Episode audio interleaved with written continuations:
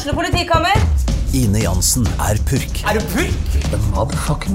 Alt jeg vil, er å finne ut hva som skjedde med mannen min. Jon Carew. Er jeg sikta for noe? Iben Akeli. Det er du. Ole So, Lars Berrum og Big Daddy Karsten. Hvem sin side er du på, egentlig? Anette Hoff, Tone Danielsen, Kommer du fra Afrika? Jørnis Josef, Nesten. Kløfta. Trond Espen Seim, Det er synd å si det, men det var feil mann som døde. Purk. Premiere tirsdag på TV2 Play. Det var sykt flaut en gang jeg bare feis høyt midt i VG-bygget. Og bare alle hørte det. Så det var sånn Hele, hele, altså hele etasjen hørte det.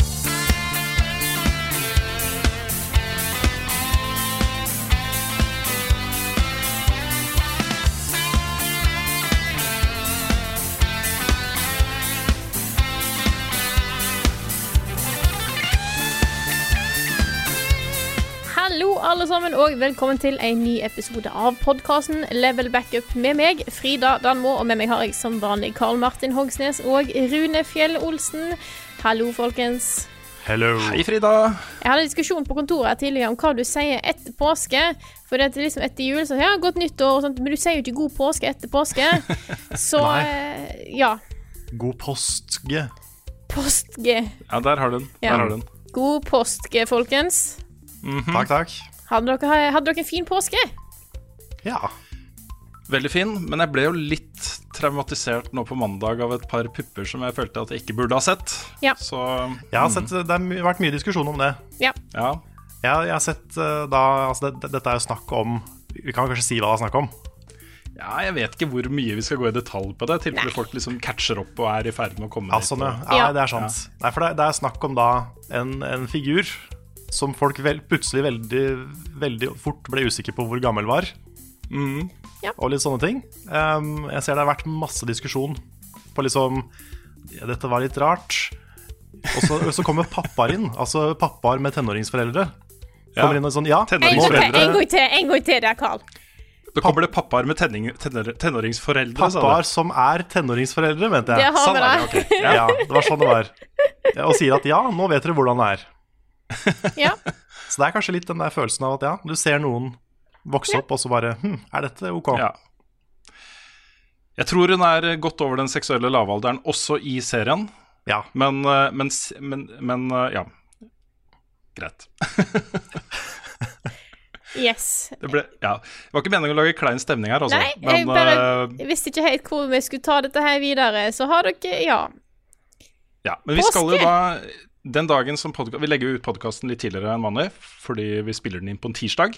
På en det betyr tirsdag? at i morgen, folkens, skal vi gå og se Avengers. Ja God damn. Nå er jeg så hyped. Ja, samme her, oss. Når på dagen er det du skal se den, Rune? Klokka er 11 på formiddagen. Yes, for da kjører vi egentlig Level Up kjører back to back eh, visning av eh, The Avengers i morgen. Du begynner klokka 11, jeg har en visning klokka 4, og Carl, du skal på kino klokka Ni. Yes. Så her er det sammenhengende nesten eh, Avengers. Så det er jo egentlig litt eh, greit. Men det er akkurat de filmene der og sånne svære ting. Jeg, jeg må bare se det så fort som overhodet mulig. Fordi uh, det er Jeg ble helt gæren av alle de spoilerne. Og jeg trodde at liksom, forrige episode av Game of Thrones også hadde blitt spoila, fordi jeg hadde sett noe sånn i øyekroken på Twitter, ikke sant. Og så uh, viste det seg at det var jo ikke Altså, ja, det ble ikke spoila likevel. Men jeg blir så stressa på det i hele kroppen, så jeg må bare få sett den, sånn at jeg kan bare være på internett uten å være redd for spoilere, ikke sant. Jeg Og klarte å holde meg unna de største spoilerne, eller ja eh, største spoilerne i um, Infinity War. Eh, jeg visste jo hva Thanos drev med, og jeg visste jo at han tar et lite knips. Eh, men eh, ellers så klarte jeg på en måte å holde meg unna de største story-spoilerne. Men nå nei, nå må jeg bare få sett dette her. Hva har du spilt? Spilt det siste?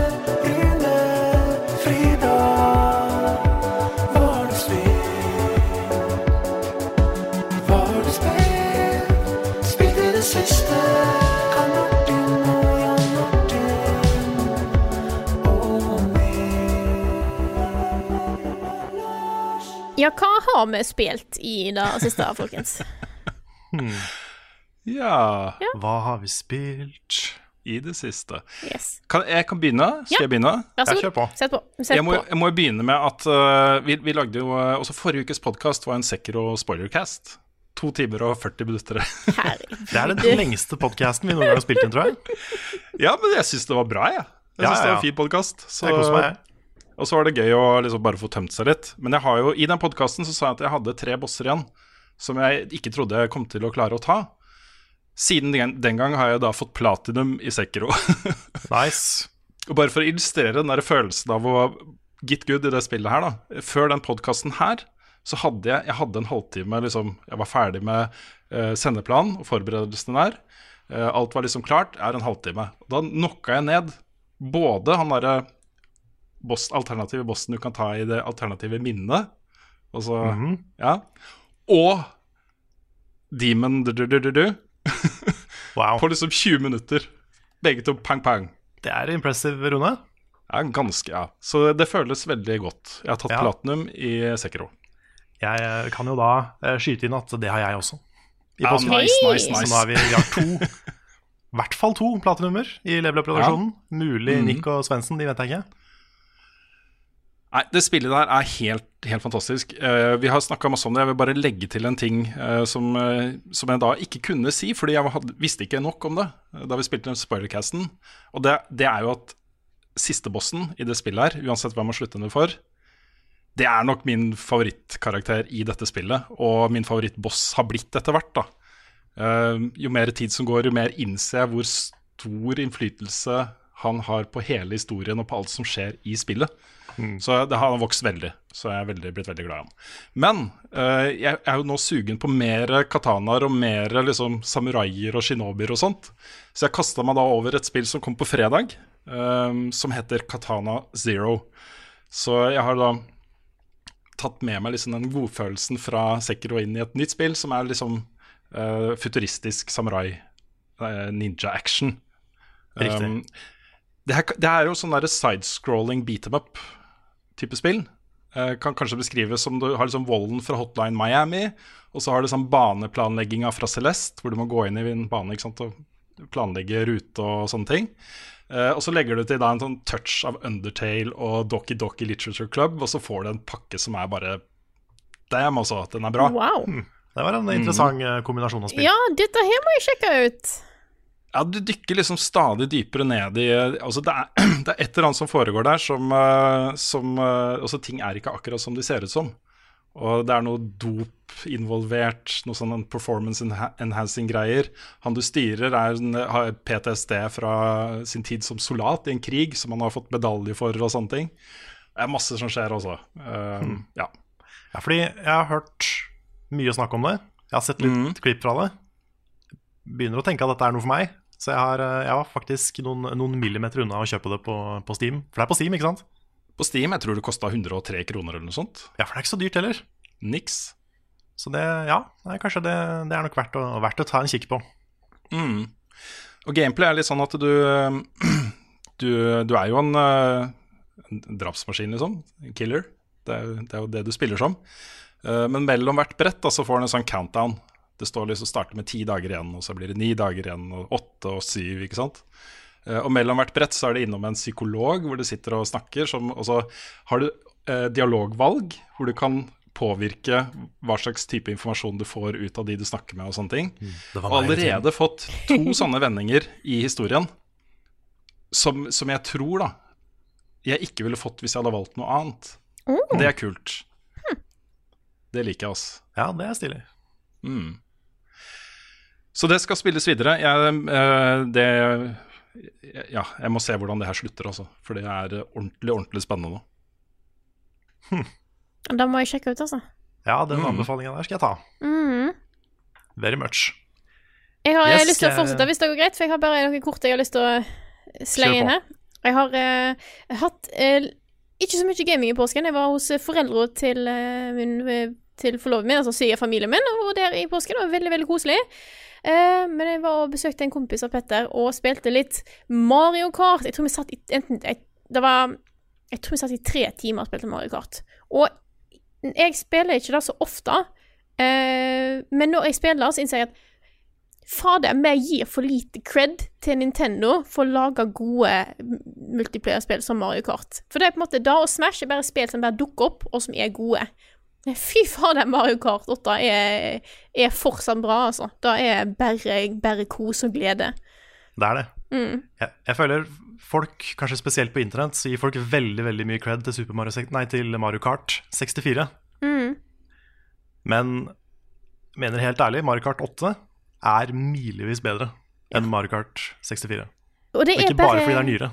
Ja, sant, akkurat da. Og det Jeg, jeg satt og tenkte på at eh, vi av, av og til diskuterer litt at eh, kanskje det er litt kynisk av Nintendo å gi ut på nytt igjen de spillene som kom på Wii ut Switch. Men altså, jeg, alle må jo få lov til å spille Mario Kart 8, altså. Da jeg jeg syns det er en helt, eh, helt fair eh, vurdering akkurat på det spillet der, fordi det er bare gøy. Og da innser jeg òg at eh, det, er- det er sånn som jeg har spilt, for jeg var ikke like jeg var ikke like god som jeg var. Jeg kan huske at jeg var, men uh, det er det er, sånn, det, det, det er aldri feil å spille litt Mario Kart, har jeg funnet ut. Nei, det er ikke det. Det er evig ungt. Mm, det er det. Mm. Så prøvde jeg òg å fortsette på noen eh, levels i Baba. Jeg har funnet ut at nå har jeg nådd det punktet der jeg ikke skjønner en dritt lenger, eh, og har rett og slett møtt liksom min, min eh, overmann eh, i de siste levelsene i Baba. Ja, jeg, jeg følte jeg kanskje møtte det punktet på streamen, jeg. Ja. Når vi begynte å stange på de siste banene der, så var det sånn Oi, dette her var for mye. Men jeg har nå noe i påsken. Da jeg skrevet anmeldelsen, den er spilt inn, nå må den bare klippes. Eh, nå er jeg midt oppe i sånn eksamensstyr og sånt, men det er snart soon, soon, soon, soon til. Men ja. Yes. Så jeg har kost meg med hyggelige spill og spill som jeg ikke får til i det hele tatt. Det har jeg gjort i påsken. Ja. Men apropos det der med, med Wii U-ports på Switch, Ja. så syns jeg egentlig at det kan bare komme masse. Jeg. Sånn, hvis Windwaker HD får en Switch-port av Wii U-porten, så det er bare sånn ja ja, gimme. Ja, hvorfor ikke? Samme med Twilight Princess og egentlig veldig mye av det som er bra på Wii U. Fordi det er mye av det jeg har lyst til å spille igjen, men det er litt pes å dra fram Wii U-en. Mm. Spesielt med gamepaden, som du er nødt til å bruke for å komme Ja, det er Ja. styr. Bare ha liksom Wii U-biblioteket portabelt på en Switch. Mm. Det er jo perfekt. Så for min del kan de bare, bare spy ut alt de har, altså. Everything is coming to the Nintendo Switch. Yes. Ja, for jeg er jo fortsatt veldig stor fan av Wii U-konsollen. Eh, men jeg innser at jo, mer, jo lenger tid som går, eh, så er det fordi at det er tingene på konsollen, ikke konsollen i seg sjøl. Så får for det biblioteket, Ja, det er. Det er, ikke er utrolig hvor, utrolig hvor gammeldags den gamepaden ser ut nå. Det er ikke så lenge siden den kom. Mm. Og den er bare en klump, den. Ja, den er svær. Ja. Litt sånn der etch- etch-a-sketch uh, barneleke. Ja, det er det. Sånn leke-iPad du får eh, for barn. Mm. Så det, ting, ting skjer fort i denne verden. Det gjør det, absolutt. Nei, det har vært litt tilbakeblikk på, eh, på, på Switch og Wii U. Eh, da gir jeg eh, stafettpinnen videre til deg, Carl. Da skal du få lov til å snakke litt om hva du har spilt i det siste. Takk for det. Jeg har, eh, jeg har jo fortsatt på Yoshi's Crafted World Ja, Nice. og spilt det masse. Og det, det er jo så koselig. Mm. Og jeg snakka litt om det i eh, ikke forrige podcast, men et par podcaster siden. Og det er jo fortsatt, eh, fortsatt sant. Eller jeg føler fortsatt det jeg sa da. Men jeg syns også, når jeg litt, når jeg kommer litt dypere inn i spillet, så merker jeg hvor mye innhold det har. At det er masse, masse gjenspillbarhet, for å bruke et sånt fint norsk ord, istedenfor å si replayability, mm -hmm. uh, i hver bane. Fordi det er ganske vanskelig å finne alle tinga første gang. For du skal jo finne så og så mange blomster. Du skal helst ha over 100 penger når du har kommet i mål. Og du skal ha 20 sånne spesielle røde penger. Og du skal ha fullt liv. Så hvis du klarer alle de tinga, så får du liksom perfekt score på en bane. Og det er ganske vanskelig å gjøre første gangen. Det er bare sånn tre-fire levels jeg har klart det på. Så det er en grunn til å gå tilbake. I tillegg så kommer det sånne små sånne Poochie-hunder. som er veldig fine. Og de, skal du liksom, de gjemmer seg på hver bane. Og da må du spille banen i revers. Og ikke bare i revers, men også For du ser den fra motsatt perspektiv. Så du ser liksom alle de der pappbitene som er brukt til å skape banen. Eh, så du ser jo hele banen bakfra, og det er litt kult. Ah, kult. For da får den en helt annen sånn visuell stil som er mye mer eh, lappa sammen. da Litt sånn eh, bak, eh, bak de flotte, rene, blanke veggene i Portal. Ja, Ja. Og så står det sånn på veggene sånn 'The cake is a lie' og sånn. Mm. The egg is a lie, eller hva det står the poochie is a lie. The Poochie is a lie, ja. Mm. Det er jo et veldig bra påskespill, da, med Yoshi og egg og sånt, da. Ja, ja. Ja. det er sant. Nei, så det, jeg ville bare liksom legge til at det er ikke bare et koselig, eh, hyggelig, morsomt spill for barn. Det er også et ganske sånn dypt plattformspill. da. Og det er ikke så vanskelig. Sånn, jeg har fortsatt ikke dødd en eneste gang i spillet. Og jeg har kommet, tror jeg, nesten gjennom main-spillet. Men det er fortsatt en del utfordringer i det å finne hemmeligheter og det å eh, være en completionist. da. Så nå begynner jeg å kose meg veldig med det. Og nå er det faktisk liksom ting her som jeg setter pris på, som ikke bare er litt sånn overfladisk kos, da. Mm. Så jeg syns jo f.eks. det er bedre enn f.eks. Uh, Kirby Star Allies og de andre sånn 2,5D-spilla de har gitt ut i det siste. Så, så varmt anbefalt hvis du er glad i litt sånne koselige, søte ting, som også har et uh, spennende, innovativt gameplay. Selv om det fortsatt er en 2D-plattformspill, så er det liksom ideer her som, jeg, som får meg til å tenke sånn Oi, dette var smart, og dette var sånn fiffig. Her har de vært kreative og smarte, sånn som man tenker når man spiller en del sånne Nintendo-levels. Bli ferdig med det, så jeg kan få lånt det. Ja, det, jeg, skal, jeg skal gi det videre til deg så fort er Herlig. Det er et av de få Kult. spillene som jeg har fysisk. Mm. Det har jeg nesten ingen spill fysisk lenger. Så nå kan Nei, du er faktisk sjelden. låne en fysisk kopi av spillet, Rune. Ja, det er fantastisk. Husker du da det var sånn? Det er lenge siden. Men, eh, men en ting til, da. Som jeg har spilt i påsken. Mhm. Jeg har uh, testa Joker i Smash. Ja! Aha. Og det har jeg òg gjort. Da kom jeg på. Ja. Ja. Hva syns du, Frida? Eh, jeg testa i sånn ti minutter, tror jeg, så jeg har ikke den dypere det, Dette er førsteinntrykk.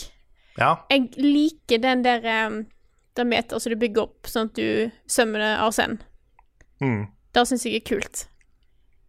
ja det funker veldig bra. For du har, det er en sånn risk reward-greie. Mm. Hvor du, eh, du kan, istedenfor at du har en sånn blokk og counter-greie, sånn som noen figurer har, så har du en blokk der hvor du fortsatt tar litt skade, men meteret bygger seg opp. Så det vil si at hvis du fyller da det meteret under helsebaren din, så kan du summone en persona, og da får du liksom en superversjon av alle angrepene dine. Da, Og da føler du deg kul. da føler du deg ganske kul. Ja, så da, Så- da så likte jeg. eh, Så du er kanskje litt ekstra sårbar når du spiller som joker, men til gjengjeld så kan du slå ganske hardt tilbake. Mm. Og eh, jeg syns også de har inkorporert Persona veldig bra i Smash, med den banen. Ja, og det var kult. masse musikk. Mm. Ikke bare fra Persona 5, men fra 3 og 4 også. Og det er så mye bra musikk. Litt sånn herlig japansk pop og eh, rock og alt mulig greier. Og eh, ja. Nei, jeg syns det, det er veldig kult. Det er så gøy å se liksom en helt ny Liker ikke å bruke ordet franchise, men gjør det nå. Men bare, bare se det liksom bare dytta inn i Smash, og så føles det som en naturlig del av spillet. Det gir at Carl jeg heter IP. IP I- heter IP. Ja, ja, det er akkurat, det er akkurat like bra. Nei, jeg merker IP, når når jeg test-. Ja, jeg merker når jeg, når jeg spiller dette her, at jeg blir mer og mer gira på å se hva de neste karakterene kommer til å være. Ja. Fordi at det kommer jo òg til å være eh, Sånn som det var Reggie som sa at det kommer til å være helt annerledes Altså, De kom til å være like på en måte sære og uforventa som Joker var. Så jeg håper at de klarer å inkorporere alle disse andre nye fighterne sin verden inn i Smash på en god måte. På en like god måte som de har gjort med, med Joker og Persona nå, da. Mm. Ja, fordi nå tenker jeg sånn Det kuleste ville vært helt nye spillserier. Selv om jeg vil gjerne ha liksom Dr. Robotnik, det hadde vært fett. Ja. Så, så har vi liksom Vi har Sonic-serien i, i spillet fra før. Så kanskje bare en skikkelig curveball. Få, få inn liksom Final Fantasy 9 hadde vært helt amazing. Ellers er jo toppen av min liste er jo Sora. Mm. Men jeg vet ikke om Disney ville tillatt det. Nei, er det da? Ukens anbefaling. Hva skal jeg finne på? Ukens anbefaling. Hva skal jeg finne på? Ukens anbefaling.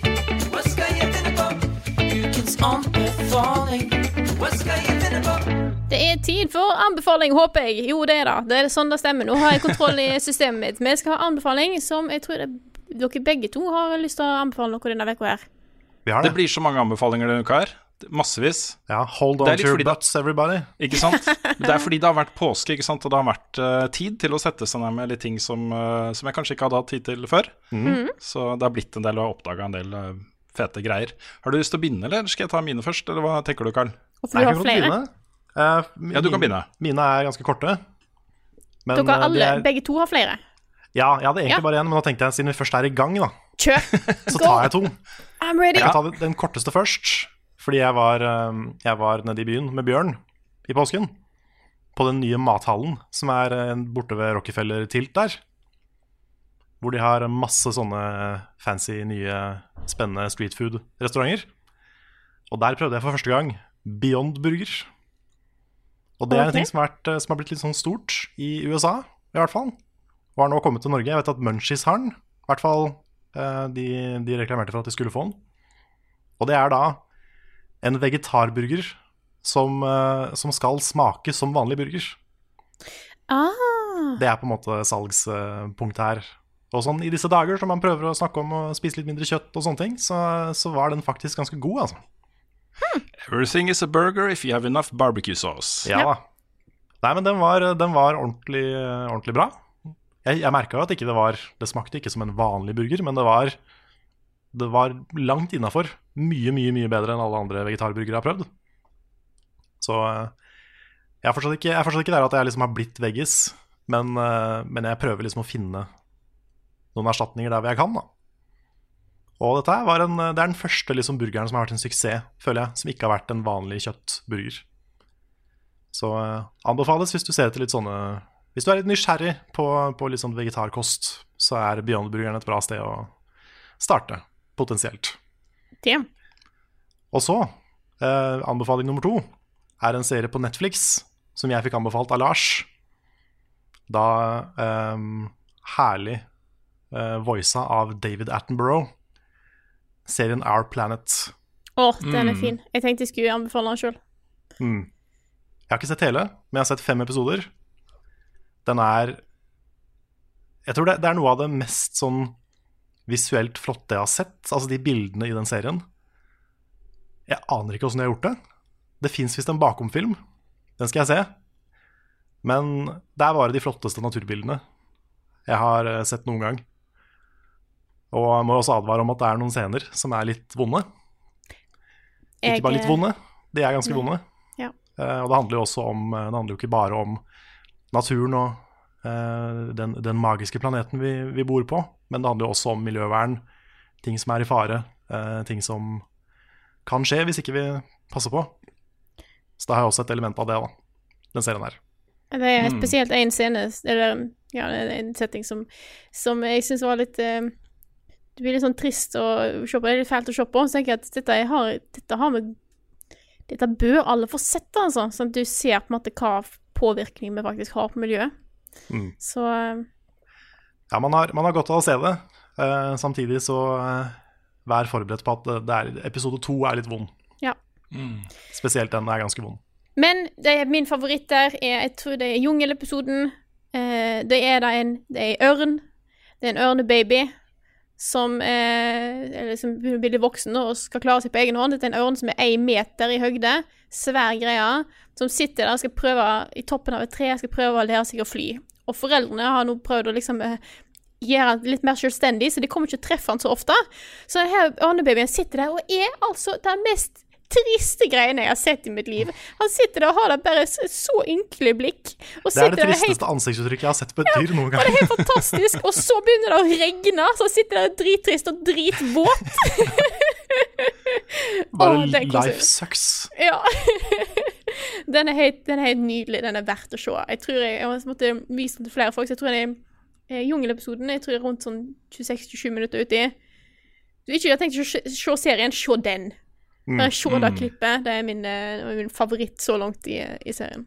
Yes. Og det er også utrolig mange sånne morsomme Du får se sånne paringsdanser Åh, ja. av fugler og sånn. Og noen av de er så kule, og så morsomme og så rare. Altså, det ser ut som de har, Noen av de fuglene har jo sånn helt show. Ja, en Hvor de- liksom backing dancer og greier, liksom. Ja, ja, det er sånn, sånn synkronisert dans av flere dudes som prøver å liksom forføre en dame, da. Og noen av dem blir jo sånne transformers, altså de forandrer jo helt form. Ja. Det er noe av det rareste. Jeg trodde ikke det fantes i virkeligheten. Men eh, hvis du, hvis du vil se, rett og slett, altså, kåte transformers-fugler, så sjekk ut Our Planets.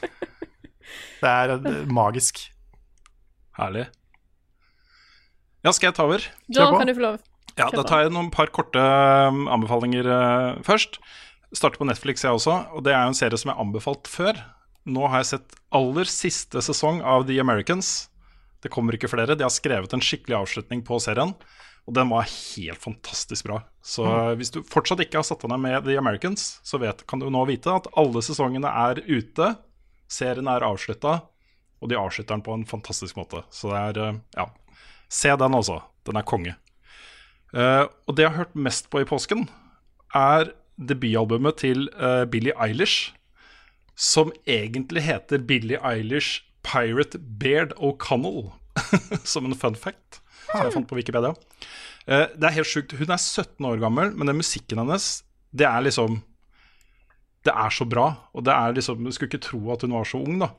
Så jeg blir litt sånn glad når jeg ser unge mennesker gjøre ting som er sånn amazing, hvis du skjønner hva jeg mener.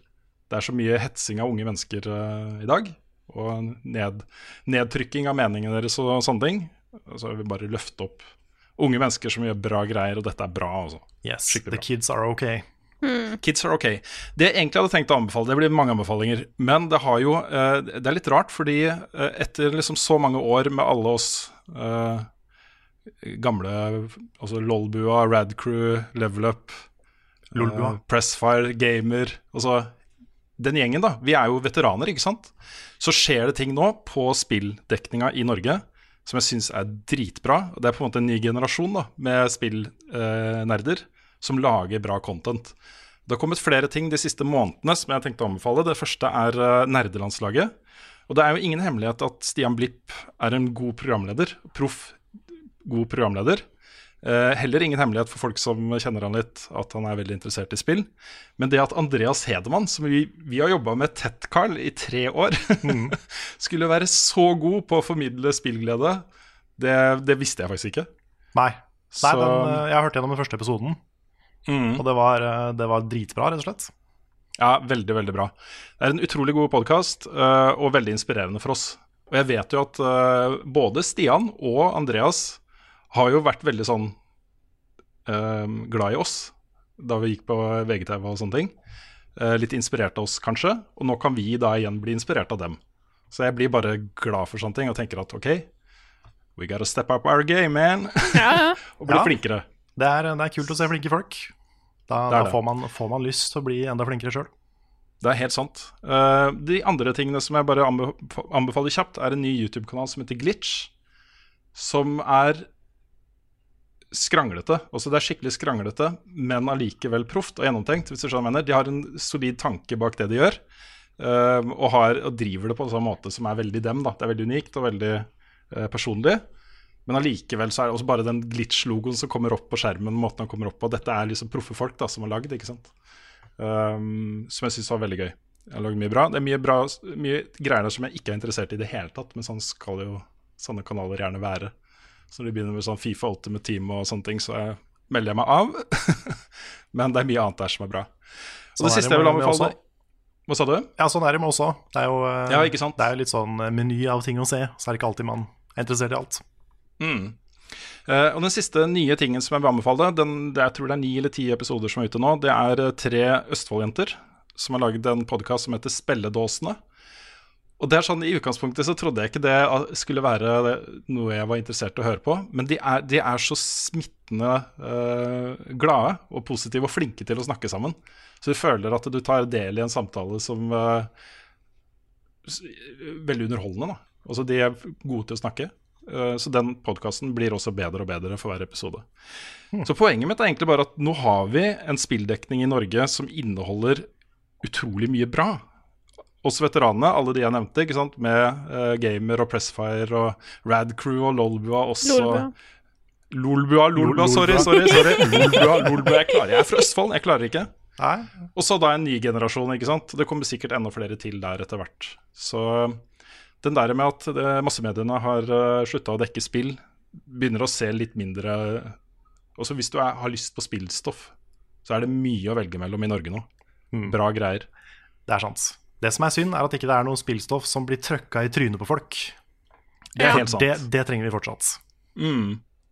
Ja, det er, det er ikke noe tvil om det. Jeg skulle gjerne hatt det inn uh, i eh, andre medier også. Men jeg tenker at det som skjer nå, er at nå bygger vi opp en interesse igjen. ikke sant? Uh, vi bygger opp en dekning som er dritbra og bred. Det, på et eller annet tidspunkt det er klart vi kommer tilbake igjen. det, er klart, uh, det er klart spill kommer inn i de, de store mediene igjen. Det, noe annet ville vært utenkelig, da.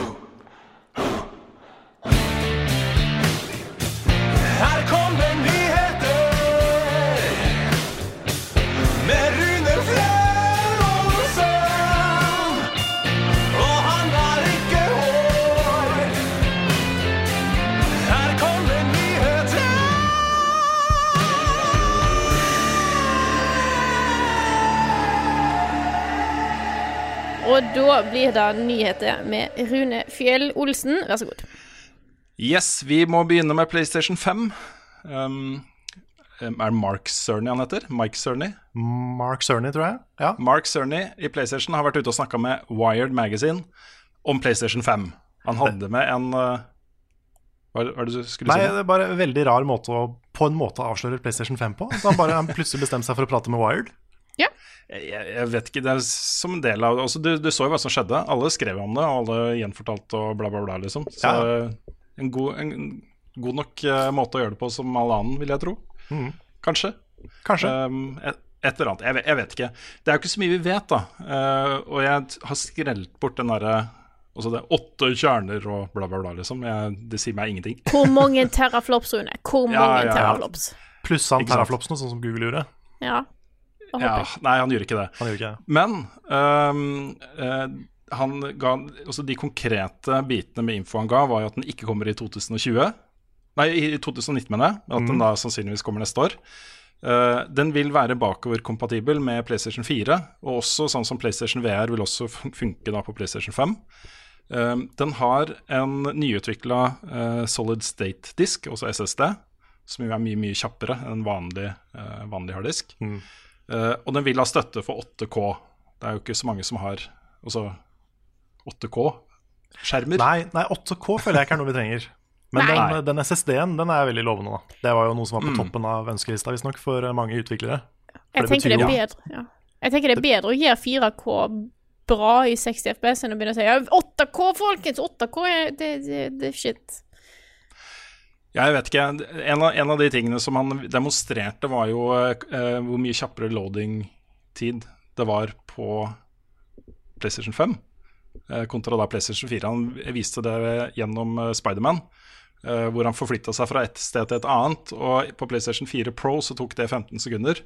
På den PS5-en, jeg tror ikke han kalte det PlayStation 5 noen gang, bare Next Generation eller noe sånt, så var det instant. Altså de 15 sekundene var borte. Så, men det, det er også helt meningsløst som et eksempel. Ikke sant? Fordi når man har all den nye datakraften, så vil man jo legge til mer ting. ikke sant? Tyngre assets og sånne ting. Kanskje loading-tidene blir like lange, bare at det ser litt penere Jeg vet ikke. Men uh, ja. Ja, det er, eh, det er lite man kan eh, si ut fra det lille vi fikk vite. Men, eh, men SSD er jo ekstremt mye kjappere enn det PlayStation 4 Mm. har. Så det, det Ja. er jo veldig kult. Det Det var visst noe de var litt usikre på om, de kom til å, eller om, om PlayStation kom til å gå for. da Mm. Men det er, det er gøy at de har gjort. Jeg kjenner jo flere jeg, som har bytta ut eh, harddisken i PlayStation 4 med en SSD. Ja, Hva skjer da? Blir det, merker man Blir kjappere. Kjappere det. loading-tid. Ja. Så Ja, det er- um, Jeg, jeg må jo også si at jeg syns det er litt festlig når de begynner å snakke om eh, 8K. Nå er det noen som driver og borer i en vegg her. Det var noe veldig irriterende. Da syns jeg de kan slutte med. Der slutta de. Der begynte de igjen. Eh, jeg hører ikke noe Nei, boring. det Det må bra. være i hodet ditt, det, er Frida. bare utro, ja, det er bare i hodet mitt, ja. ja men så greit. Mm.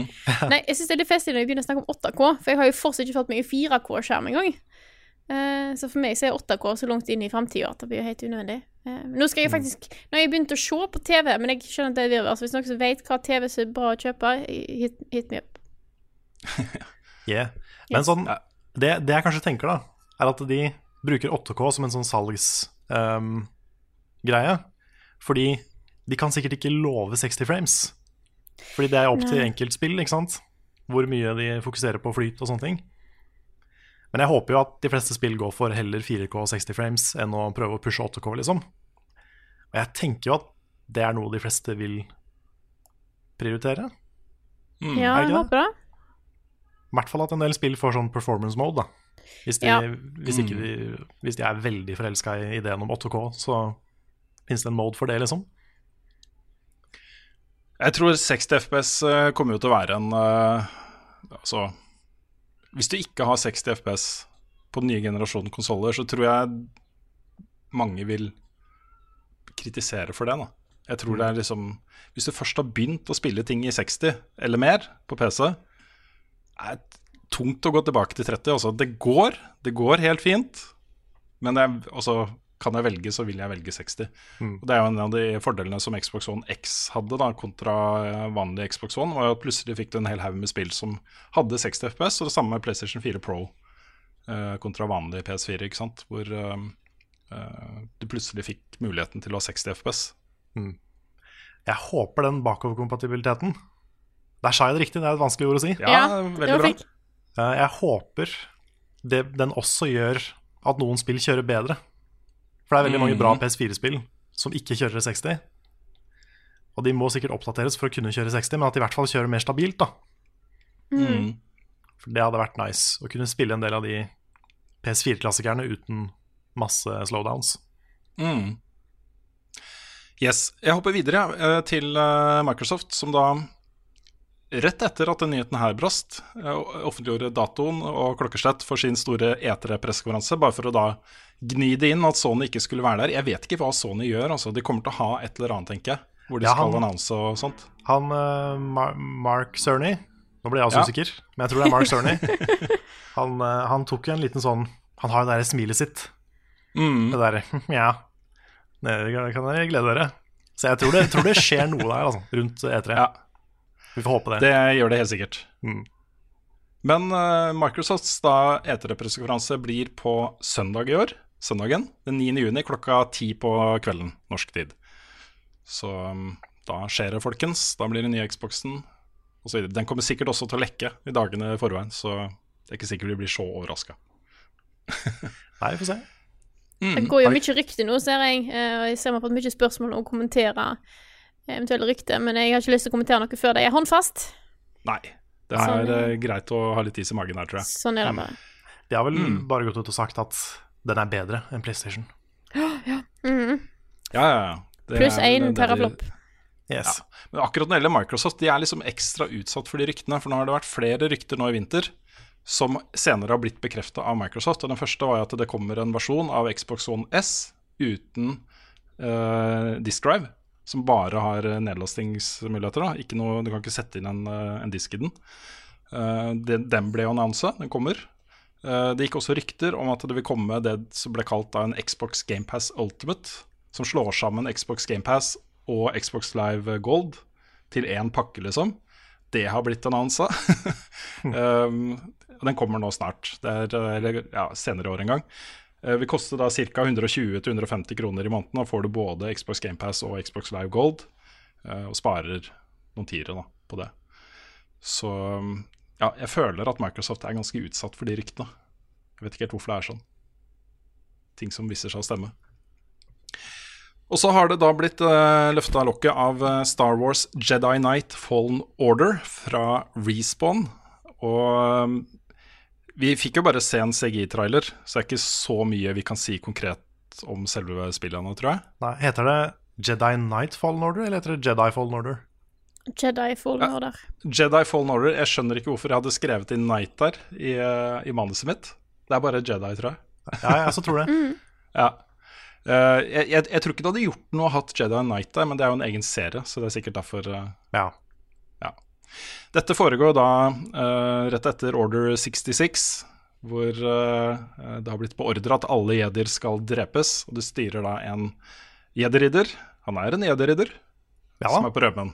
Ikke sant? Han er på rømmen, han har tatt seg en jobb, prøver å blende inn, ikke skille seg ut osv. Men så går jo ting som det skal gå, da. Det hadde blitt et kjedelig spill hvis han hadde klart å blende inn helt, liksom.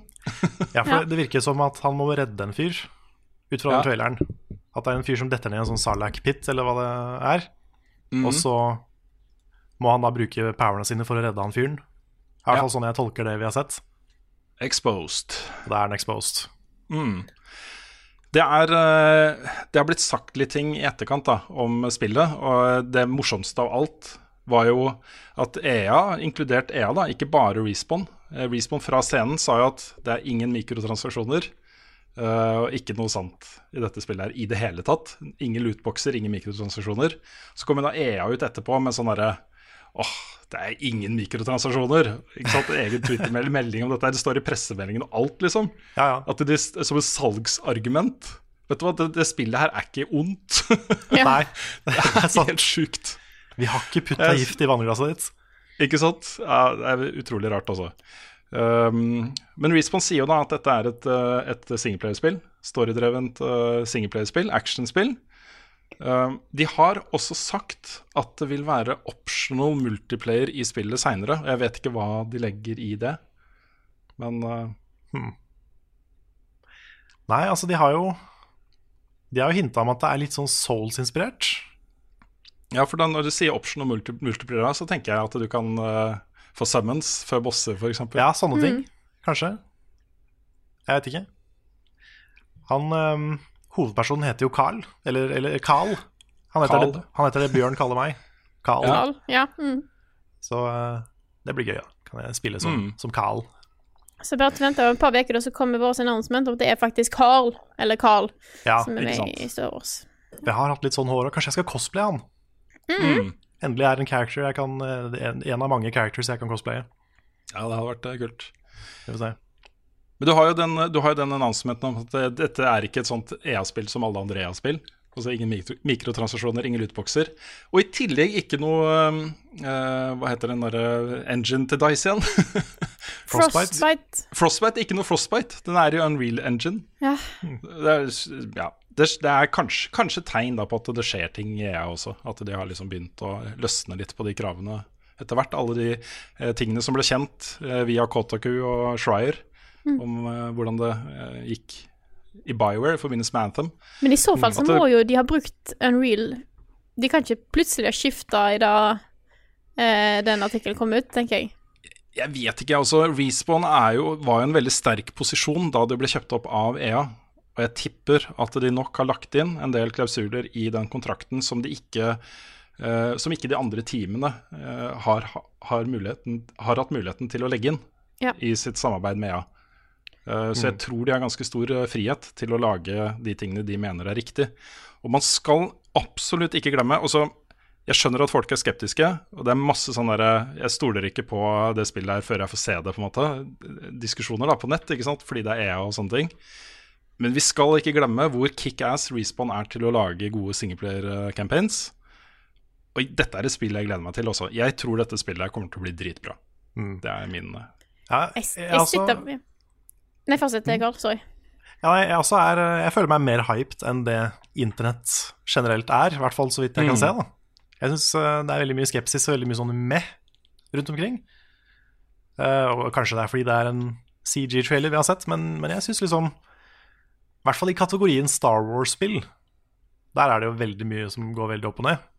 Mm. Men dette er det første Star Wars-spillet på lenge som jeg har følt at dette her må jeg spille. Ikke sant? Jeg er helt enig. Så nei, jeg, jeg er ganske gira. Det er litt at jeg sitter med den der eh, følelsen av at ja, det er ikke mikrotransaksjoner og ikke lootboxer, så sitter jeg og tenker på sånn Hva er det da de har putta inn? De må ha putta inn et eller annet. Så jeg sitter liksom og tenker sånn her, det er sikkert DLC som vi betaler for og greier. Og jeg sitter og har den der tanken, da. Det kan være en del som har det. På en måte, hva, ja, men hva er det de prøver å lure oss med da? Hvis det ikke er mikrotransaksjoner eller, eller eh, Mm. lootboxer? Kan Eller det være at det bare er eh, et sånn De prøver å bygge opp litt tillit igjen, og så smeller de på med masse transactions i oppfølgeren. I oppfølgeren, ja. ja. Nei, det, det er, det det, det, er, det er ikke at jeg er, er imot EA, jeg bare sitt, det er liksom Erfaringsmessig så har jeg på en måte ikke helt jeg, jeg, jeg, tror, jeg tror EA har veldig godt av å være litt eh, jeg håper si good guys og ha et spill, en spillutgivelse av noe som, som de kan få tilbake igjen trusten til folk. Da tror jeg er veldig lurt for EA sin del. Mm. Og kanskje det, det de mener når de sier at det ikke er noen mikrotransaksjoner og lootboxer, kanskje de da mener at det er makrotransaksjoner Yes. og lootbusser? Jumbo-transaksjoner. Ja. Ikke sant? Det kan jo hende. Loot containers, faktisk. Loot containers, Ja. ja. Ikke sant? Nei, jeg hopper videre til Ja. Gamescom, som jo har vært en litt sånn derre altså Det er jo en europeisk spillmesse. Uh, den har alltid også føltes som en veldig europeisk spill spillmesse. Mer sånn laidback. Det kommer noen announcements, men det er ikke så mye sånn fesjå og svære greier, liksom. Men nå skal de da ha en sånn keynote-presentasjon i forkant. Den het, vil da hete da Gamescom Opening Night Live og vil være hosta av Jeff, eh, Jeff Keeley. Hvor det skal være announcements. Det skal være en sånn type Game Awards-show. Med liksom announcements fra de store utgiverne, ikke sant. Ja. Det syns Ja, jeg var et bli- eh, godt grep. Kan bli spennende. Det Når- kan når var det, bli spennende. Det er den 19. august klokka åtte på kvelden norsk okay. tid. Det høres ut som noe vi kan uh, sitte oppe og livestreame, kanskje. Ja, Det marker det i kalenderen deres, folkens. Kommer Ruen sin standup på DVD, eller? Kan jeg selge et guttenavn? Hva er det vesle karet sitt? Hvilket språk snakker Frida egentlig? Hvorfor er Mario rørlegger? Nå har det seg jo sånn at siden vi spilte inn podkasten på en tirsdag, så glemte jeg å legge ut spørsmålspost på Facebook i god tid. Men vi har i hvert fall fått inn en del spørsmål her fra folk som, var, eh, som er tidlig oppe og ser at jeg spør desperat etter spørsmål til podkasten, så det er bra. Det, er overraskende mange spørsmål, faktisk. Ja, Mm. så Det det er bra. bare Det renner i, liker altså. Det er, folk er flinke. Så, så takk. takk. Det hadde, hvis jeg ikke hadde hatt noen spørsmål, så hadde dette blitt en eh, rar slutt på podkasten. Men vi kan i hvert fall begynne med første spørsmål her, som kommer fra Eirik Thoresen og en del andre. Hva er deres tanker rundt Days Gone? Og vi hadde jo egentlig tenkt å ha eh, vi, vi, vi hadde lyst til å ha med Nick som kunne snakke om det, men Nick hadde ikke tid. Nei. Men det kommer anmeldelse. Ja, embargo der er jo også Spillet kommer på fredag. Embargo er på torsdag. Jeg tror det var klokka tre på ettermiddagen. Jeg er ikke helt sikker, men jeg, jeg mener å huske at det var det. Og anmeldelsen din ikke kommer rundt da. Så han har spilt det nå. Har hatt god tid på seg. Det er så digg, altså. Vi får spillet tidlig. Han har fått god tid til å teste hele spillet og lage en anmeldelse, så den kommer. Så um, jeg, jeg vet ikke Jeg er ikke jeg, det, er ikke det er ikke det at jeg ikke er hypa for Days Gone. Jeg ser f.eks. Phrase uh, spør også om det er sånn at hvorfor er vi ikke hypa på Days Gone, og han gleder seg veldig. Det, men men det, jeg, jeg vet ikke. Jeg har lyst til å spille det, og så får vi se om det er bra, tenker jeg om det spillet. Jeg har ikke noen sånn store forventninger, eller Jeg tenker ikke at det kommer til å bli dritdårlig heller, liksom. Jeg bare vet ikke. Nei. Nei for, for meg så handler det veldig mye om hva Nick sier, egentlig. Mm. Fordi eh, det er ikke et spill jeg har tenkt at dette her må jeg spille. Men hvis Nick plutselig gir det en tier, liksom, eller en nier, da, Mm. så, så må jeg jo spille det. Ja, jeg er ikke helt sikker, altså, fordi ok, jeg er ofte enig med Nick. Men det var en gang han eh, foreslo et spill han hadde lyst til å lage drittspillinnslag om. Som var liksom et spill jeg mener er fantastisk, da. Så det er ikke alltid jeg er enig med Nick. Nei, altså vi, har jo, vi har forskjellig spillsmak alle sammen. Ja. Men jeg tenker hvis, um, hvis Nick gir det kjempehøyt, da, så er det, et, uh, det er kanskje det som kommer til å pushe meg over Mm. til å prøve. Nei, jeg er liksom Jeg tror jeg er litt lei av zombier. Jeg så det kom en ny sånn zombiefilm, tror jeg det er på Netflix nå nettopp. Som jeg ikke husker hva heter engang. Som bare så ut som alle andre zombiefilmer. Som eller annet. bare Summer Jeg husker ikke. Nei. Men det er liksom Akkurat den sjangeren er blitt gjort, på en måte. Den, den er ferdig utvikla. Det at 'å nei, zombiene kommer', og det er mange, veldig mange av dem. Og de, de kan drepe oss, liksom. Vi må rømme inn i bensinstasjonen, ikke sant. Så de tingene føler jeg at jeg har sett så mange ganger, så jeg klarer ikke å bli mega-mega-hyped for zombie-ting, da. Nei. Nei, når- det er sagt, da, så har jeg hørt mye bra om World War, World War Z-spillet som kom Mm. nå. Så det, det ble jeg litt overraska over. Altså, oi, kanskje det er bra? Ja, kanskje. Det er jo litt sånn meie ned-type spill, da. Mm. Uh, og World War Z hadde jo noen scener i seg. Det er jo også en bok, da har jeg ikke lest boka, men den hadde noen scener i seg som jeg syns var dritkule. Mm. Den, den, hvor mange det var, liksom. Hvor utrolig svært det ble, da. Ja, fordi det spillet her er visstnok, så vidt jeg har skjønt, basert på filmen. Ikke basert på boka. Det kan tenkes, det vet jeg ikke. Mener jeg leste det, men uh, don't quote me on it. Nei. Nei, eh, Hvis vi skal ha en zombiehistorie som jeg skal bli hypa på, så må det være noe annet. Det, historien må ikke handle om zombier, det må handle om mennesker. Og så Last of Us er jo et godt eksempel på, på det. Så, så hvis uh, Days Gone klarer å fortelle en, en uh, god historie med gode rollefigurer og god dialog og de tingene, så er det et spill for meg. Hvis det bare handler om å skyte veldig mange zombier, så er det ikke et spill for meg.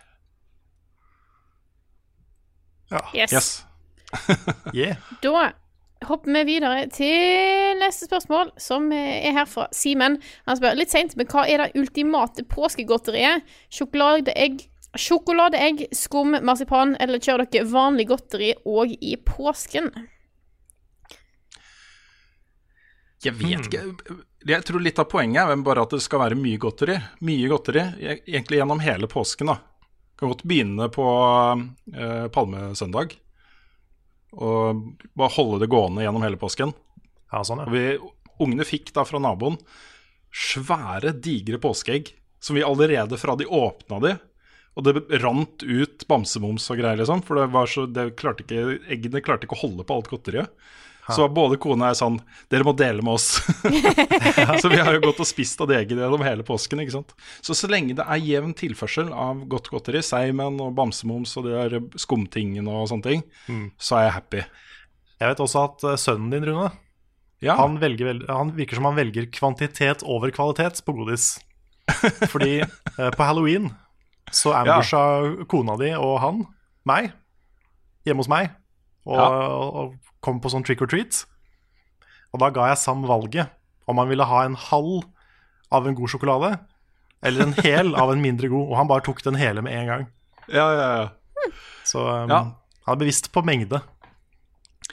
Et, jeg, det er jo den derre marshmallow-testen. Har dere hørt om den? Hvor du eh, setter ned eh, Du setter en unge på, på et bord, og så setter du ut en eh, marshmallow eller en godteri eller et hva som helst, da, bare det er noe de har veldig lyst på. ikke sant?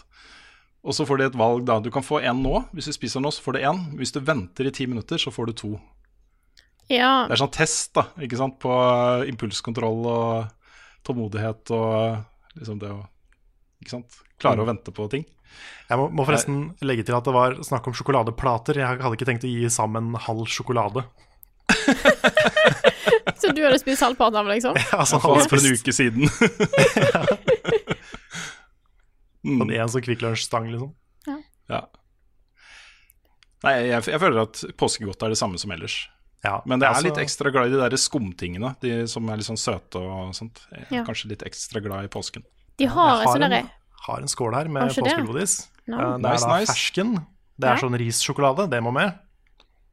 Og litt sånn, eh, hva heter det, sånn kirsebær. Sånn Haribo kirsebær. Oh. mm. Det er veldig nice. Og selvfølgelig Kvikk Lunsj må også med i påsken. Jeg, eh, det var rett før, eh, rett før jeg tok ferie. Da, jeg, jeg husker ikke om det var før på en måte, palmesøndag eller etterpå, men det var jo sånn Nå, nå skal jeg ha snop. Akkurat nå vil jeg ha snop. Eh, da var jeg først i Trondheim, eh, og da var det heldigvis selvfølgelig påsketilbud på smågodt, så da kjøpte jeg en solid mengde. Men det var ingenting i påsken, faktisk, kan jeg tenke meg om. Som jeg gjør at jeg nå er litt trist. Så nå når jeg skal på butikken og kjøper middag etter påske, og jeg kjøper kjøpe godteri. For det som er det beste med påskegodteri, er det som er på halv pris etterpå. Det er, det er min favoritt å kjøpe marsipan etter jul og etter påske. Fordi da får jeg det billig. Så det er på en måte min eh, Men det, hvis det er ting som er liksom kun påsketing, så er det sånn disse her eh, Det som jeg før kalte drageegg, men det er sånn drasjé. For det er en sånn ting ved én egg som er sånn skum eh, Det er sånn skum med eh, noen sånne farger. Har skallet på. og så er det, okay. er det noe med sjokolade. Det er, jeg vet ikke hvorfor, men det er en sånn tradisjon. Hmm. Det er, Kan jeg legge til en liten sånn påsketing? Ja. Fordi jeg hadde, jeg hadde en veldig bra påske. Og det var eh, Det høres jo For mange vil dette høres litt rart ut. Men kona og dattera mi bestemte seg da eh, på mandag for å ta en eh, tur alene til eh, et sånt eh, vintersted for å gå litt på ski. Mens eh, sønnen min og jeg ble igjen hjemme. Og vi var hjemme i tre dager. Og jeg, jeg må bare si, også de som har vært gift lenge og som bor liksom tett sammen med to gærne unger og, og kone og sånt, det å få litt tid alene er ganske digg. Og det å bare kunne bestille pizza uten at noen står der. Vi har ikke råd til det. eller ta fram noe øl på kvelden og bare spille spill og liksom ikke tenke Det er veldig deilig. Så det ble liksom pils og platinum i Sekiro. Kan ikke bli bedre påske, altså. Det var helt fantastisk. Så veldig, jeg har slappa veldig av i påsken. Det har vært veldig, veldig bra. Og så kom du hjem, da, og så hadde vi grilltur til stranda og sånne ting, og alt var hyggelig, liksom. Men det å få liksom noen kvelder alene Men du, du skal gi pizza til Sam og sånn? Ja da, vi, vi, vi koste oss. Han gama, jeg gama. Vi hadde liksom vårt, vårt eget lille TG, Ja, kult. TG i kåken. Ha. Her høres koselig Det ut. Ja, det var veldig hyggelig. Åh, nei, da eh, tror jeg vi setter videre til neste spørsmål, hvis dere har lyst til å Nei, jeg, kan ta, jeg har et til her. Som jeg har lyst til å ta ta. til. Litt sånn tullespørsmål her. Mm. Fra Espen Sandnes Sørensen som skriver Hvor mye skal til for at Buffkitten danner et idrettslag, og hva idrett vil dere helst ha drevet med? Tenker da fysisk aktivitet, ikke sjakk og e-sport. det skal ganske mye til for at jeg kanskje er med på et idrettslag. Hvis ikke det er sånne bedriftsfotballag eller et eller annet sånt. Så bare Mm. tøys. Jeg Men vi har jo fikk- snakka om det. Ja, jeg Ja. tror vi fikk det spørsmålet for lenge siden en gang. Ja, men jeg tror vi snakka om det før vi fikk det spørsmålet. Gjorde vi det òg? Ja, Ja, kanskje. laget det var, Jeg tror det var liksom den perioden vi begynte å tenke at kanskje vi burde være litt, komme i litt bedre form og sånt. Ja. Men da snakker vi om basketball, hadde vært gøy. Ja, volleyball. volleyball også, tror jeg vi snakka om. Ja. Jeg er jo glad i tennis. Jeg var jo decent i tennis eh, før, men Mm. eh, da falt litt av. Det som er fint med sånn basketball og volleyball, er at da kan man være to lag med tre, f.eks., eller to. Ja. Og allikevel liksom ha en økt, da. Og trene og ha en konkurranse og score mål og Jeg vet ikke om det heter skåre score mål i basket, det gjør vel ikke det? Få poeng. Eller Mm. Ja. Ja. Dunking er Men en ting. ikke fotball. Nei. Ikke fotball, Da Ikke blir vi fotball. skada alle sammen. Vi kommer Ja. til å knekke ankler og knær og Fikk, eh, fikk ballen i magen av en tiendeklassing en gang. Det var vondt. Eh, Ja, ikke sant? Det var siste gang jeg spilte fotball. Ja. Men um, jeg er kanskje litt mer på sånn snowboard og sånn, jeg. Nei. Nei, der ble det shut down. Ja. Shut Ja. down. Da, da jeg knakk armen og solgte snowboardet to uker etterpå. Ja, ok. Ja, for jeg også ble nesten skada. brettet mitt hang igjen i et sånt rør som gjør at ikke jeg fikk huet i et tre. Uh. Så det gikk, gikk bra. Men ehm, det er liksom den ene tingen jeg på en måte har lært. Det er snowboard. Mm. Jeg kunne godt tenkt meg å ha hatt det liksom en gang i uka eller to ganger i uka bare noe helt uhøytidelig basket eller volleyball eller, eller noe sånt. da Enkelt ballspill, håndball, Ja. som ikke er eh, sånn superkomplisert. Er bowling er det nok idrett? Jeg ville ha- jeg ville ha laget det sånn for å komme litt i form, jeg, da. Ja. Ja. Og det er um, grenser for hvor god form du kommer av i å spille bowl- bowling. ja, da må du i så fall bli som proff, sånn som er holder seg i toppform for å spille bowling. Ikke sant? Og så spørs det òg litt hva type form du er interessert i, for rund er òg en form. Det er sant. det er veldig sant. Åh, tenk deg å ha et curlinglag, da. Ja, det hadde vært kult, det. Det hadde vært gøy. Det er Buff. Kitten Ice curling. Eller sånn en badminton eller noe sånt. Ja, ja, ja. Badminton er drittungt hvis du gjør det ordentlig. ja, det er kjempetungt. Og squash også. Mm. Jeg har spilt Squash squash én gang. Jeg har aldri vært mer sliten enn uh, da jeg spilte squash den ene gangen. Det er vel eh, Jeg tror det er de to tingene som trener hele kroppen din mest, er Mm. svømming og squash. Ja. Squash er kjempegøy. Eh, det er bare utrolig tungt. Hvis vi hadde laga et baseball-lag Hvor lang tid hadde det tatt før vi liksom hadde klart å spille en normal runde baseball? Nei, det tror jeg vet du, Det var ikke så dumt forslag, Karl. Baseball hadde vært kult. Men jeg bare ser for meg at det må være sykt vanskelig i det hele tatt å få det til. For du må jo, du må jo treffe den lille ballen. Ja, Jeg klarer jeg ikke klarer det. jo det. Jeg klarer ikke det. Ja, jeg Ja, men derfor vi skal trene, vet du. Ja, Ja, ja. Slåball er jo Mm. standard. Ellers så stemmer jeg for minigolflag. Ja. Minigolf er gøy. Ja. Ja. Nei, vi får se. Det, det er uh, ikke utenkelig at vi gjør noe sånt engang. Mm. Nei. Litt for, for the entertainment kanskje også. Mm. Det måtte vært jeg, jeg føler det måtte vært noen som har en liga. Ja, jeg tror jeg begynte på setningen Nei, har vi et nytt spørsmål? Ja. Ja. Jeg har, eh, jeg har ett som jeg har valgt ut. Da tar Rune først.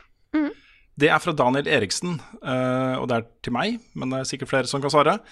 Han skriver Jeg har nettopp begynt å spille God of War på høyeste vanskelighetsgrad og synes det er latterlig vanskelig. Hvor hardt vil du si det er i forhold til Sekiro? Og det er ganske sammenlignbart. Starten på Give Me God of War og starten på Sekiro føler jeg er sammenlignbart i vanskelighetsgrad. Men akkurat som i Sekiro, når du først knekker koden, så det samme er, gjelder God of War. Og først og fremst da, så bare du kommer deg til den derre vannet og begynner å få litt powers utover bare å kunne slå blokka og sånt, så blir det mye lettere. Du må komme deg gjennom starten, og starten er beintøff, men etter det så blir det mye lettere og mer overkommelig. Jeg vil si at Give Me God of War-starten er mye vanskeligere enn alle FromSoft-spill. For jeg, jeg Ja, prøvde det- det, Kanskje. og bare kjente at nei, det her kommer jeg aldri til å ha tålmodighet til. Fordi de første fiendene liksom, på startområdet, de går jo ikke ned. Nei, jeg brukte i hvert fall en time, kanskje halvannen, bare på å komme forbi de første fiendene. Ja, for sånn er jo ikke Sekiro. Nei, nei, nei, det er jo kanskje ikke det, da. Det liksom, når det kommer til en boss, mange opplever det som en sånn, sånn Ja. type Ja, bossene er tøffe. Ja. Men um, det er mye du kan gjøre i Sekiro uten at det blir så vanskelig som Give Me God of War, føler jeg. Ja, for det som, det som, er, eh, som gjør starten på Give Me God of War såpass vanskelig, er at du har ingen andre powers enn at du, skal, at du kan slå på dem og blokke og counter og sånne ting. Og hvis du ikke får de ned fort, så bøffer de seg opp. Mm. Ikke bare én gang, noen av de flere ganger. Så plutselig så er de sånn fire-fem levels over deg, ikke sant? Det det blir ganske fort ganske umulig, altså. Ja. Nei, for der går grensa for meg, Mm. kjente jeg. Da jeg prøvde meg på det. At det er sånn Nei, det her kommer jeg ikke til å orke. Jeg har fullført på Give Me God of War. Nå fikk jeg muligheten til å nevne det igjen. Ja, sant. Mhm. sant. Mm. Mm. Og så er det jo også forskjell på For det, du, du, du kan jo gjerne spille når du spiller det på God of War. Mens uh, hvis du hopper rett inn i Sekiro uten å kunne det, så er det vanskelig på to forskjellige måter. Mm. Ja, det er sant, det. altså Så um, Sekiro handler mer om å mestre det som er der, mens kanskje Give Me God of War er en sånn ultimat utfordring for det du allerede kan. mm. Også et godt poeng. Men, um, men ja. Jeg vet ikke. Nå er ikke jeg runda Give Me God of War. Noob. Ja. Get good. Get good. Hvordan kan du kalle deg en anmelder hvis du ikke har gjennomført God of War på Give Me God of War, Carl? Nei. Journalist wants easy mode in God of War. Ja da. Ja. Nei, men eh, jeg har et eh, spørsmål her, hvis, eh, Ja. hvis dere er klare. Kjør på. Mm. Vi har allerede snakka litt om Endgame, så vi kan ta det andre spørsmålet, fra Linn Sunniva Davidsen. Har dere tenkt på å lage en react slash kommentarvideo for 71 grader noscope? Hadde vært kult å høre litt om prosessen bak og litt tanker rundt serien. Litt sånn som når Carl og Bjørn så på Roomies igjen. Det har vi tenkt på. Mm. Jeg har veldig lyst til å lage en commentary track. Bare hele serien med kommentarspor. Det hadde vært kjempegøy. Vi er ganske mange, så det blir et lite dilemma hvor mange som skal være med. Eh, hvor mange som har lyst til å være med, er jo det første vi må finne ut. Og så se om burde vi ha ett spor, burde vi ha flere? Eh, hva, hvordan burde vi gjøre det? Men det ligger jo også en bakomfilm på Patreon som er ganske lang. Der vi filmer litt sånn prosessen og hva vi gjorde og hvordan det var. Er det ikke to? Jo, det er én bakomfilm, og så er det to tabbefilmer. Sånn er det, vet du. Mm.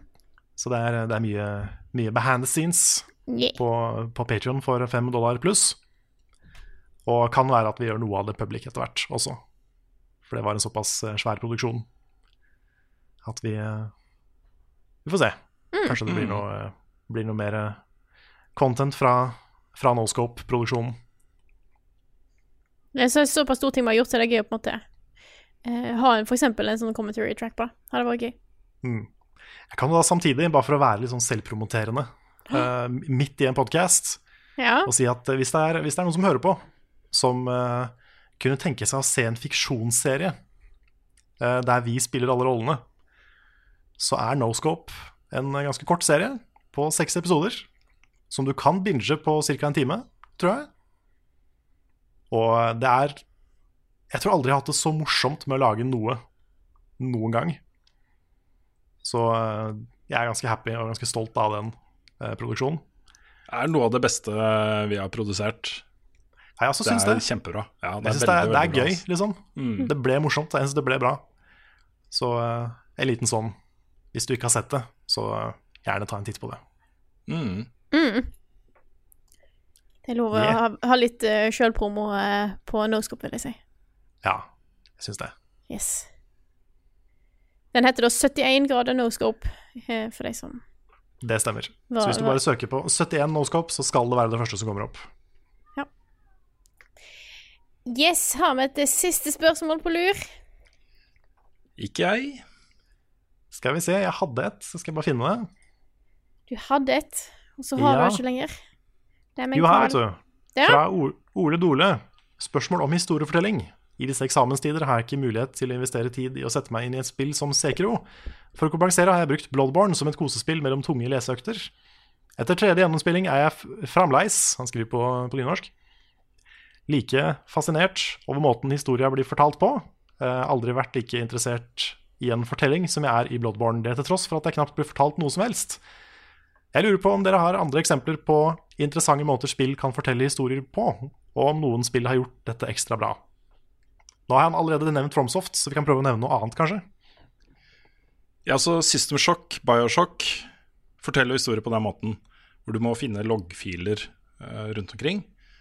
Uh, og via det så blir hele historien bygd ut. Der er det jo også, Særlig i Bioshock da, så er det jo også liksom cutscenes og historier som blir fortalt. Hvis du vil gå dypere i historien, så må du gjøre research på egen hånd. Eh, så de syns jeg er gode på det. Og det er en ganske vanlig måte å fortelle spillhistorie på. At du har, får litt, men ikke alt. Mm. Eh, Half-Life, eksempel. Half-Life, særlig Half-Life 2 så er det jo mye altså Du blir jo bare kasta rett inn i en konflikt. Du aner jo ingenting om konflikten, om krigen. Hvorfor er det som det er, på en måte. Men der kan du finne oppslagstavler med avisutklipp som du kan lese hele artikkelen og sånt, der hvor du får mye informasjon om hva som har skjedd før du kom dit. Um, som er veldig bra. Men jeg syns jo, jeg syns jo det er noe av det Fromsoft er best på. Mm. Det å ha historie som ikke fortelles, men som du må grave opp på egen hånd. Mm. Ja, så syns jeg de gjør det bedre enn en del andre. Fordi jeg syns noen av de audiologspilla kan bli litt mye. Det, det er liksom Du må stoppe opp det du gjør for å stå stille og høre på en audiolog ofte. Mm. Og det kan være litt sånn kjipt. Mens uh, i, i Souls da, så har du sånne korte setninger som forteller noe om law. Og du leser en setning på fem sekunder, og så er det det. Og det er litt, mer, det er litt lettere å liksom fordøye da, Mm. enn sånne lange audiologger som du bare ligger strødd rundt. Men eh, tenkte jeg ville trekke fram Breath of the Wild. Ja. Fordi det har en del sånn miljøhistoriefortelling i seg. Og noe av det er ganske kult. Jeg vet ikke om jeg vil si det er liksom det beste eksempelet på det, men det er ting der da, som informerer den verden du er i. Og der må du også i ganske stor grad sette sammen historien på egen hånd. Så jeg synes det er kult har at du de jo- prøvde seg på det i et Zelda-spill. Jeg er helt enig. Og så har du jo spill som eh, virker som om det er en ting, men som kanskje egentlig er en annen ting. Som du kan tolke, og så kan du liksom Som for eksempel da Hellblade. Um, som Celeste. eh, Undertale. Uh, Inside og Limbo. Oh, Spill yes. som har liksom ting. Du kan finne de, du kan bruke de små nuggetsene av info du finner, til å tolke historien, hva som egentlig foregår. Og det er jo Jeg syns jo den type historier uh, som vi snakker om nå, da, de som er uh, ikke direkte fortalt, du må finne ut av det og tolke og grave og sånt på egen hånd, sannsynligvis er de beste. Jeg er glad i lange cutscenes, jeg elsker Metal Gear-serien og sånne ting, men de er bra på en annen måte. Også det er mer sånn filmbra. da. En skaper som har en visjon, som har lagd noe som er veldig viktig for han at det skal bli akkurat som dette. ikke sant? Eh, men jeg syns jo gjerne det er de historiene som du har funnet fram til mye på egen hånd, som er de som treffer hardest. Og jeg syns Bloodburn er et veldig godt eksempel på det. Hvor uh, det bare skjer masse greier som du ikke forstår. Eh, og det er fett, da. Selv om du ikke forstår det, så syns jeg det er fett. Kul som bakteppe til de tingene som skjer. Men hvis du setter deg ned og så linker den personen til den personen, og sånne ting, så, så blir det så mye sterkere. Det blir så mye bedre. Det gjør det. Og så er det noe eget med de, de spillhistoriene som bare kunne blitt fortalt i et spill. Mm. Det er litt kult at spill har liksom utvikla sin egen type historiefortelling. Da. Mm. Det, det, det setter jeg litt pris på. The Witness. Ikke minst. Mm. Mye bra. Ja, har vi noen flere eksempler, eller skal vi la det være det? Nei, jeg tenker vi kan runde av. da kan være det for denne gangen. Og med det så vil jeg bare si tusen takk til alle dere som støtter oss. Dere som støtter oss på Patron. Eh, det er dere som gjør at vi kan eh, fortsette å, eh, å lage, lage innhold. Eh, så tusen takk. Så hvis du har lyst til å støtte oss på Du som hører på, har lyst til å støtte oss på eh, Vel eh, Gi oss Der hadde jeg en setning, og den forsvant helt. Hva var det jeg skulle si, da? Bra pitch, oss Frida. Takk. Ja. Jeg er født salesperson. Hvis du har lyst til å støtte oss, er det bare å gå inn på patreon.com slash levelupnorge og støtte oss med det beløp du vil. Eh, alle dere som støtter på Patreon er fantastiske folk, eh, så tusen takk. Tusen takk. Tusen, tusen takk. Og med den litt sånn kronglete avslutninga der, så sier jeg takk for oss, og takk for at du har hørt på denne episoden her av Level Backup. Og så snakkes vi igjen neste uke.